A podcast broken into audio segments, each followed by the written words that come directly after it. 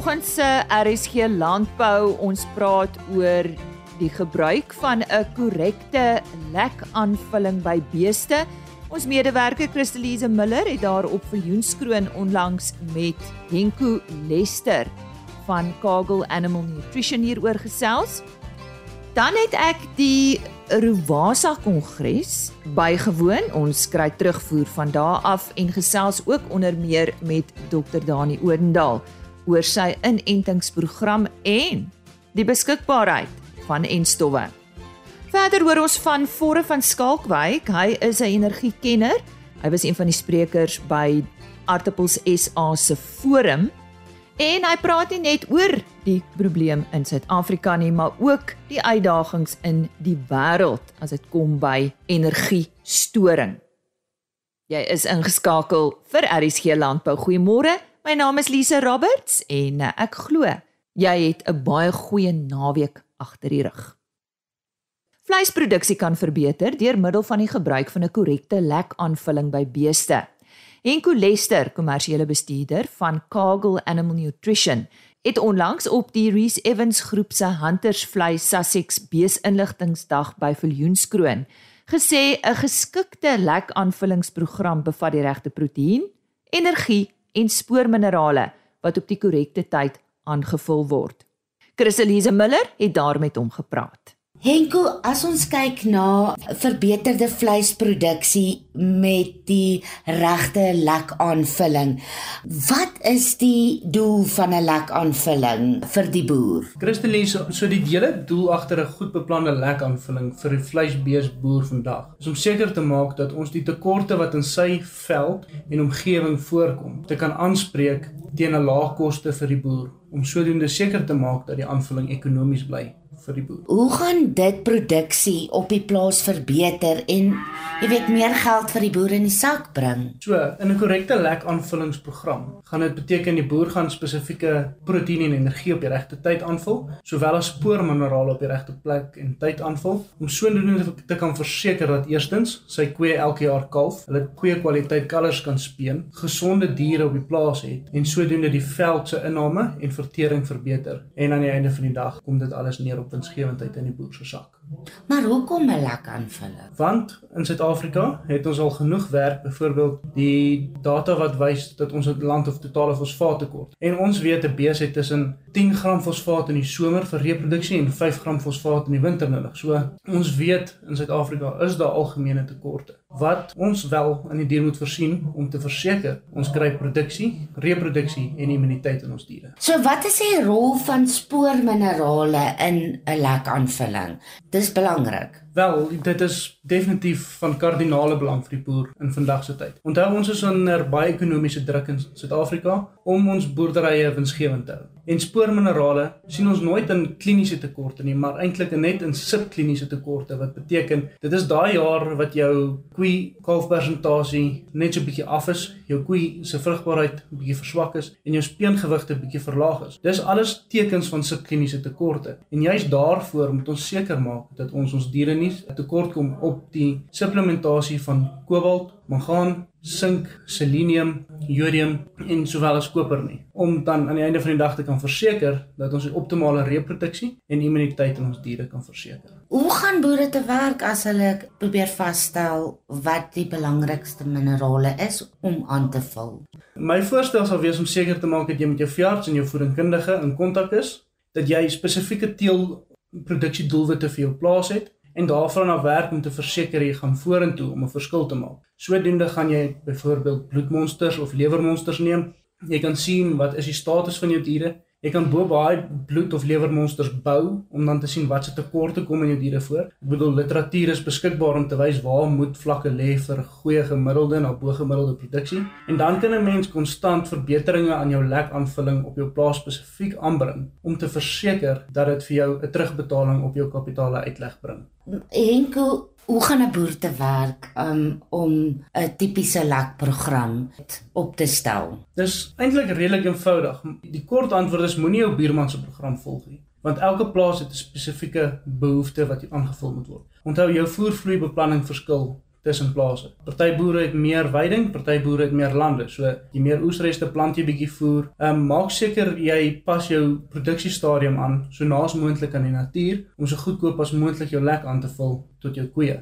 Maak seker dat jy aan die einde van die dag presies weet wat jou beperking op jou plaas is in terme van weiding, draagkrag en kapasiteit om aan die einde van die dag dan daarvan af te kan werk en te kan bepaal wat jou spesifieke behoefte is. Maar in alle eerlikheid, jy gaan aan die einde van die dag met vier basiese lekke eintlik jou boerdery kan bestuur. En dit sal wees jy moet daarom ten minste fosfaatlek gebruik vir jou somermaande, 'n energielek met 'n goeie kwaliteit proteïen vir jou somer groen weidings, 'n produksielek vir jou wintermaande waar jy jong groeiende diere het en waar jy bietjie produksie soos melk wil stoot of so en natuurlike winterlek En boere asseblief moenie snoep op jou fosfaat op 'n winterlek nie. Waarna moet jy let? Wat is nee nees as dit kom by 'n uh, 'n lekprogram? Waarvoor moet jy versigtig wees? So, wanneer ons gaan kyk na 'n lekprogram, is dit belangrik om in ag te neem dat daar's nie een nutriënt wat die verskil gaan maak in jou boerdery gaan omdraai nie. Dit is ongelukkig aan die einde van die dag 'n som van hoe al die nutriënte binne in jou lek en jou veld gaan saamwerk op die koei om aan die einde van die dag jou sukses te gaan bepaal. So maak seker dat jy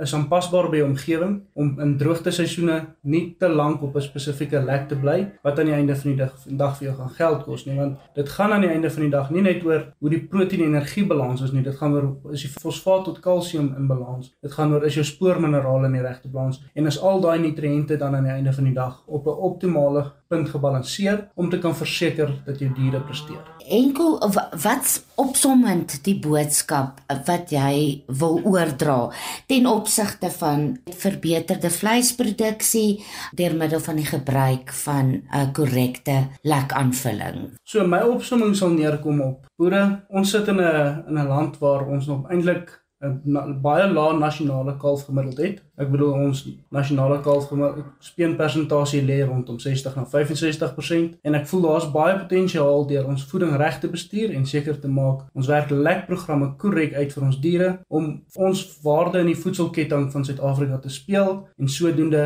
meer ekonomies meer vleis op die tafel van die mense in die mense se borde kan sit. En volhoubaar vooruit te boer. En volhoubaar vooruit te kan boer in Suid-Afrika. Dankie Henko. Dit was Henko Lester, kommersiële bestuurder van Cargill Animal Nutritions. En Christelise Miller het met hom gesels. Ek het die voorreg gehad om eh, so week of wat gelede die Rubasa Kongres by te woon. Dit is die Herkouer Veterinêre Vereniging van Suid-Afrika. Dr Marika Badenhorst, die voorsitter het daar met my oor Rowasa gesels en waarom dit nodig is dat landelike veeartse mekaar gereeld ontmoet. Okay, Rowasa is die veeartse wat 'n belang het in ruminante diere wat basies jou werkhouers is, beeste, skape, bokke. Ehm um, meeste van ons is in platlandse areas ehm um, en in gemengde praktyk maar ons groot belangstelling is in in jou herkouers. Ehm um, ons assosiasie sit is het ten doel om leierskap ehm um, teenoor leierskap saam te bind tussen ander produsente organisasies wat ook 'n belang in voedselproduksie van uh skape en beeste het, ook die wolkwekers ouens en ons is 'n lid van die die dieregesondheidsvereniging ehm um, Deersawa. So ehm um, ons kry ons ons kan ons insette daar ook lewer. Ons is aktief betrokke daar. Baie van ons veeartse was baie nou betrokke tydens die onlangse wat steeds aan die gang is back and closeer. Ehm um, uitbrekings. So en ons is baie dankbaar vir hulle vir hulle vir hulle tyd en hulle hulle insette wat hulle daar lewer. Nou uh, op hierdie lekker reënerige dag, ons hoor daai donder weer in die agtergrond so in die middel van Mei. Uh, geleentheid vir julle om nou weer bymekaar te kom want julle was op 'n stadium kon ons dit nie doen nie. Ja, 2019 en 2020 het Wetlink wat ons gewoonlik help met die met die kongresse ehm um, vir ons gereël, maar ons het toe noodgedwonge aanlyn kongres gehou mm. en verlede jaar was ons eerste in persoon kongres weer. Ehm um, die getalle het hierdie jaar weer heel heel wat geklim en ons is baie dankbaar want dit is waar ons as platlandse veeartse herkouer veeartse bymekaar kom, mekaar se stories hoor en ook ehm um, ondersteuning bied vir mekaar en sosialiseer want ons sien mekaar baie keer een keer 'n jaar, een keer in 2 jaar. Maar 'n interessante tema van jaar, one degree difference. Wat vertel ons daarvan? Wat waar hoe het julle daarbey uitgekom? So die organiseerders um, onder leiding van Skabord Vroneman en Paul Reynolds het met die tema opgekom en dit is baie gepas want ons is betrokke by ons kliënte. Ons wil 'n verskil maak. En mens voel altyd dat mens 'n groot verskil moet maak om 'n of of iets nuuts moet doen of ja, partykeer heeltemal uit die boks moet dink om om 'n verskil te maak. En tog partykeer as jy net 'n hoek klein bietjie verander, Jouself sien nie altyd die resultate dadelik nie, maar die resultate sal later wys en en ons het ook en ons het ook met die opening ehm um, het dit duidelik gewees dat die verskil tussen warm water en kookpunt is 1 graad. So stoom kan 'n lokomotief aan die gang kry. So ons ons het ten doel ook om met klein veranderingkies en klein bietjie raad dalk groot goed te kan verander. Julle eerste spreker vandag, Dr Boegner het daai duidelike boodskap gegee en dit is hoe belangrik samewerking is en ek dink in Suid-Afrika met back and closure met en stowwe is hierdie regering private instansies samewerking kan nie meer onderstreep word. Jy's reg, ja, en ons streef daarna om om saam te werk die die voorbeeld in die Vrystaat was baie duidelik dat die privaat veeartse en die en die staat het daar baie nou saamgewerk en hulle was vir ons 'n baie goeie voorbeeld. En ehm um, ek dink dit was vir almal 'n baie goeie ervaring ook. So ek dink baie is geleer en daar's nog 'n lang pad vorentoe, maar ons het mekaar nodig en en ons sal graag meer en langer paaie en dalk 'n basiese ding net weer in die in die in plek sal wil kry is byvoorbeeld brucellose dit het in die verlede baie goed gewerk en ek glo met 'n privaat staats samewerking sal dit weer moontlik wees om om brucellose ook onder beheer te kry in die land. Baie belangrik bly steeds ehm um, biosekuriteit en dit is iets wat ons as privaat veeartse baie klem wil op lê en ehm um, daar is nie noodwendig op die stadium 'n aktiewe nuwe back and closure uitbrake nie, maar die die virus is nog in sirkulasie en dit bly steeds baie belangrik om biosekuriteit op jou plaas toe te pas. Ehm um, ek wil nou vir jou 'n vraag vra oor as baie kritiek in Suid-Afrika oor daar's te min veeartse wat fokus op op vee. Daar is definitief 'n tekort aan veeartse in die platteland want dit is gewoonlik wat jou plattelandse veearts doen is oorwegend herkouer. So dit ek dink die belangstelling is nie noodwendig nie daar as die studente gaan leer nie. Ek dink die stadsliggies en die bietjie meer groter salarisse en dalk beter ure is dalk 'n trekpleister ongelukkig. Ehm um, so daar ja, daar is baie wat mens kan sê daar's baie wat mens kan verander dalk moontlik want ehm um, Ek is 'n vrou, ek doen die werk, dit is vir my baie lekker. Maar my mans kollegas is sterker en hulle gaan waarskynlik langer die werk kan doen as ek. So ek voel tog dat mens dalk weer meer kyk na na na na die komposisie van hoeveelheid mense wat hierdie is nou oor 3 dae. Wat wil julle bereik? Die doel is sodat ons volgens die raad moet ons 'n uh, 'n aantal uh CPD punte bymekaar kom. So dit is die doel is basies om vir ons kollegas, ons lede um 'n geleentheid te gee om hulle CPD punte te kry. Um as mens vir die 3 dae kom is jy gewoonlik ge geakkrediteer vir 'n 2 jaar siklus en ook om om met mekaar te netwerk en ook baie belangrik om met industrie te netwerk. Industrie speel 'n baie groot rol um met so geleentheid en dit is vir ons lekker om die gesigte aan die ander kant van die e-pos en 'n telefoonoproep te sien. Ehm um, en bietjie meer van mekaar en ook van die produkte wat hulle vir ons beskikbaar het te leer. En die relevante onderwerpe wat julle aanraak oor hierdie hierdie paar dae. Ek bedoel, hoe besluit julle nou daarop? Okay, so gewoonlik wat ons probeer doen is om ehm um, ons herkouers in drie afdelings te deel. Ons doen 'n uh, bees 'n vleisbeesproduksie. Ons doen gewoonlik 'n melkbeesproduksie. Ehm um, by die vleisbees probeer ons gewoonlik ook die voerkrale inkorporeer. Ehm um, en dan laastes is gewoonlik ons ons skaap onderwerpe. En dan soek ons relevante onderwerpe wat gewoonlik op die stadium van toepassing is en iets wat mens altyd weer nog steeds wil aanhou verbeter. Ehm um, so onderwerpe en sprekers word gewoonlik rondom dit gesoek. Dr Marike Baadnors, die voorsitter van Ruwasa wat tydens hul jaarlikse kongres met my gesels het. Een van die sprekers, Dr Dani Odendaal van Veearts Netwerk, vertel van sy aanbieding en deel ook 'n paar gedagtes oor die beskikbaarheid van entstowwe. Ja, eintlik vir die laaste 30 jaar is ons besig met die projek wat nou absoluut bymekaar gaan kom, 'n inentingsprojek wat ons deur die veeartse dryf. Ons begin met die vleisbeeste, vleisbeeste en my aanbieding vandag en die hele projek gaan daaroor om die veeartse te kry om een keer 'n jaar met die boere te gaan sit, konsultasie te doen, 2 ure, 3 ure en 'n entingsprogram op te stel. Dis die hele boodskap van die hele projek. Ek gee vir hulle die riglyne, ek gee vir hulle die hulpmiddels om dit te kan doen. Dis nie dat veeartse dit nie doen nie, maar ons wil dit meer standaardiseer. Ons wil een stap verder gaan. Ons wil hê die boere moet vir hulle begrotingkie opstel vir 'n 12 maande vooruit. Inenting word 12 maande vooruit beplan en as jy 'n begroting het, dan gaan jy op 'n seisonale basis die veearts bestel. So dis die kort en lank want ons kan nie meer vandag aanneem dan gaan dit enstol wees nie. Die koue ketting moet behou word. Met in Eskom ons is af jy moet weet dat ons op 'n seisonale basis bestel kom haal jou enstof wanneer daar is. Ons kan nie meer groot hoeveelhede enstowwe stoor nie. Dit raak te groot risiko.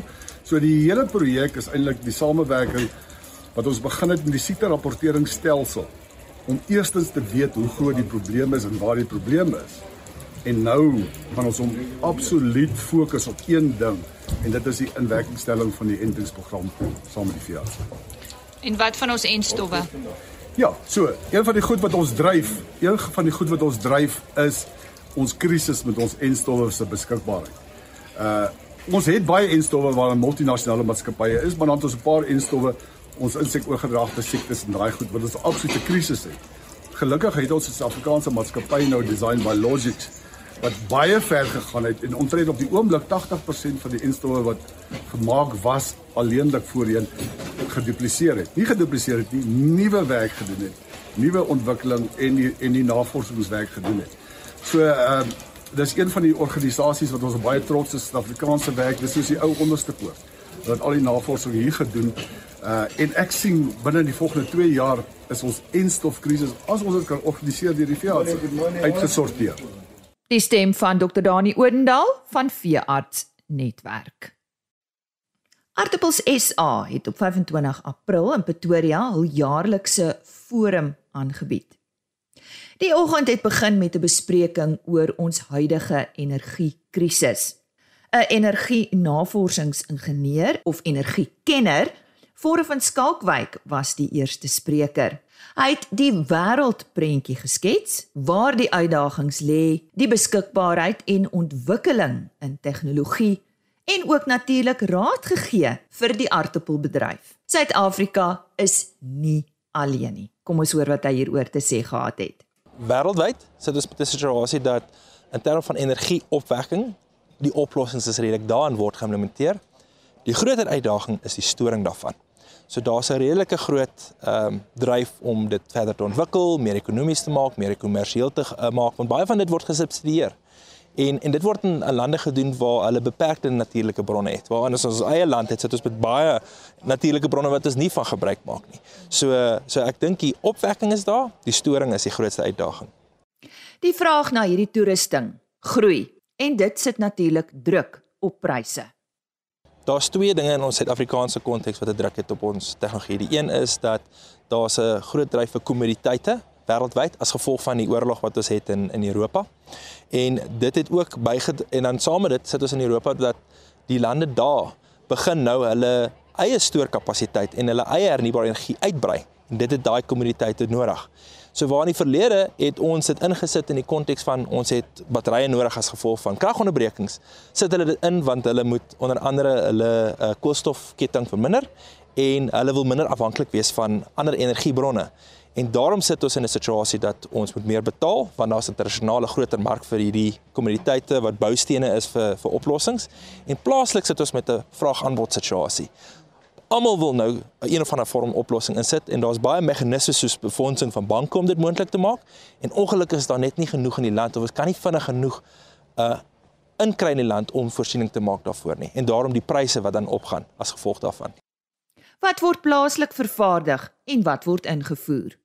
So dis 'n kombinasie van van albei. Die meerderheid van die produkte word ingevoer as 'n geheel. Die die rede daarvoor is omdat dit prys uh sensitief is en die pryse is baie goed, so mense gaan vir daai roete. Maar daar is produkte wat plaaslik vervaardig word en ek's baie opgewonde oor soos byvoorbeeld uh batterye. Baie van die parte word ingevoer, selle byvoorbeeld uh, kom van China af, maar die samestelling, die opstelling, die beheerstelsel en om dit integreerbaar te maak met die res word plaaslik gedoen wat ek dink regtig 'n wonderlike ding is. Selfs met panele, daar word plaaslik panele vervaardig, maar die komponente word ingevoer. Die uitdaging daar is is dat hulle wil dit verhoog, maar dit is nie noodwendig pryskompeterend met dit wat hulle teen van China af kan kan invoer nie. En in dieselfde asem moet hulle darm in terme van gehalte op dieselfde vlak wees. So ja, so van die goed word plaaslik vervaardig en ons het plaaslike vervaardigers, maar as jy gaan kyk na die groter prentjie dan word meeste daarvan as geheel net ingevoer. Dit sluit batterye in. Meeste Suid-Afrikaners wat wel hierdie tegnologie kan bekostig, se wens is om glad nie aan 'n ander netwerk gekoppel te wees nie. Maar is dit ideaal? Ek dink die eerste punt wat ek wil maak is tegnies is dit moontlik om van die grid af te gaan. So dit kan gedoen word. Die uitdaging oor die algemeen is die koste. Die die koste vir 'n stelsel wat jou so tussen 80 en 90% onafhanklik maak, is 'n derde wat wat dit gaan kos om heeltemal van die netwerk af te gaan. So ouens wat dit regtig van die netwerk wil gaan, gaan dit meer doen uit 'n uit 'n posisie uit 'n emosionele besluit uit of ek 'n standpunt inneem besluit uit en nie noodwendig uit 'n finansiële oogpunt uit nie. En daar is gevalle waar dit sin maak. So met Eskom waar jou energiekomponent klein is en om daai kragpunt daar te hê groot is, mag dit rand en sent sin maak om heeltemal van die netwerk af te gaan. Want jy het nie net daai energiebesparing wat ek en jy gewoonlik as ons krag koop, betaal ons net vir die eenhede krag nie. Jy het ook daai netwerkpaalkoste. So daar is gevalle waar dit rand en sent sin maak om vir Eskom tot diens te sê. Maar vir die meerderheid van die verbruikers is dit nie die uh, roete om te gaan nie. Dit maak sin om Eskom daar te bou. En as, as dinge begin stabiliseer en Maspratay laat toe dat jy terugvoer, is daar altyd die geleentheid om krediete te kry vir daai krag wat jy terugstoot. En dan wil jy graag daai netwerkkonneksie wil bou. Daar is natuurlik voortdurend ontwikkeling op die tegnologiefront. En een daarvan is batterye. Korrek. So so gelukkig ons werk nou met met lithium ioon wat 'n redelike volwasse produk is en hy hy het homself al bewys. Daar is natuurlik uitdagings wat dit betref uh in terme van lokalisering soos ons genoem het. Maar ja, wêreldwyd en plaaslik word daar regtig baie navorsing gedoen om um te kyk na alternatiewe stoor-energie oplossings. En ek is van mening die tegnologie wat wat byvoorbeeld lithium ioon uh, obsolet maak, bestaan. Dis daar. Die probleem is net om te bewys dat dit kommersieelbaar is en dat hy natuurlik die leeftydperk gaan leef soos wat verwag word. Want dis altyd die uitdaging. Jy kan nou met 'n tegnologie sê en sê dit gaan 30 jaar hou, maar is daar 'n battery wat al 30 jaar gebruik word? En dit is waar dit begin al moeilik raak. So my my vermoede is hoe meer en meer van hierdie tegnologie in die praktyk gebruik en getoets word en verbeter word, gaan ons op 'n punt kom waar seker goed ons moet begin kyk vir alternatiewe. Maar ek dink in die konteks van waar ons nou is, is lithium-ioon jou jou beter opsie om om te gebruik. En wat was sy boodskap en raad aan die aardappelbedryf? Hulle energiekoste is nie noodwendig die grootste uitdaging nie. Die beskikbaarheid van energie is 'n groot uitdaging. En ek dink is eintlik landwyd 'n probleem vir, vir vir baie mense wat afhanklik is van die krag vir hulle produksie. En daarom sou ek sê is as hulle 'n 'n 'n prys kan uitwerk van wat is die verliese as gevolg van om nie krag te hê nie, dan gaan dit 'n baie makliker sommetjie wees om te maak om te sê ek's bereid om die kapitaal uit te haal, want dan is dit nie net die moontlike energiebesparing nie, maar dis ook om hierdie ander kostes in om om verliese uit te skakel of 'n 'n verlies aan inkomste uit te skakel. En ek dink hulle sal regtig moet jy weet ek weet daar's ander tegnologie opsies om ook te ondersoek en ek sal voorstel doen dit want dit mag wees dat daar unieke oplossings is vir die hele uh voedselketting en nie net spesifieke geïsoleerde uh, verbruikers nie en ehm um, en dat hulle so gou as moontlik moet implementeer en nie moet wag nie want die verliese en die impak gaan ehm um, gaan meer wees as wat hulle dink hulle gaan spaar om te wag vir 'n beter tegnologie of 'n beter oplossing. Fore het 'n baie duidelike boodskap gehad en dit is al het jy al die tegnologie tot jou beskikking, moet jy steeds energie doeltreffend te werk gaan. Goed, so daar's 'n paar punte daar. Ek dink die eerste ding is is ehm um, uh, SAEEC is 'n entiteit in Suid-Afrika en, en hulle het 'n skrywe gemaak aan die president om te sê ons fokus so baie nou om nuwe generasie elektrone aan die netwerk te kry. Maar die vraag is, optimaliseer ons dit wat reeds daar is in terme van verbruik? En ek gaan vir jou sê dit dit gebeur nie. Daar's natuurlik baie regeringsprogramme wat dit ondersteun het, al is dit net om ligte te vervang of om uh, elektriese geisers om te skakel na son, uh, songeisers toe. So so die toepassings is daar en die tegnologie vir vir energie-effektiwiteit is daar. Die die interessante ding is jou uh, terugbetaal tydperk om energie doeltreffend te raak is baie korter as wat 'n sonkragstelsel is. Jy kry jou geld baie vinniger terug om byvoorbeeld hittepompe en songeisers te sit as wat jy gaan om om ehm um, om 'n sonkragstelsel in te sit. En daarom sê ons die eerste stap vir alternatiewe bron is maak jou energieverbruik, optimaliseer dit eerste en dan die res. En ons kan in, in ons Suid-Afrikaanse konteks kan ons maklik die kragonderbrekings met 50% verminder deurdat ons ons net energie-effektief reg deur die spektrum toepas. So daar's regtig daar's 'n geleentheid in daai area. Dit was aan vore van Skalkwyk, 'n energie-navorsingsingenieur wat een van die sprekers was tydens Artipels SA se forum op 25 April in Pretoria. Dis dan vandag se program. Ek laat jou soos altyd met 'n e-posadres en webtuiste rsg.co.za vir die volledige program. Jy kan ook gaan kyk by agriorbit.com en 'n e-posadres rsglandbou@plaasmedia.co.za. Mag jou maandag die hoogtepunt van die week wees. Totsiens. RSG Landbou is 'n plaas media produksie met regisseur en aanbieder Lize Roberts en tegniese ondersteuning deur Jolandi Rooi.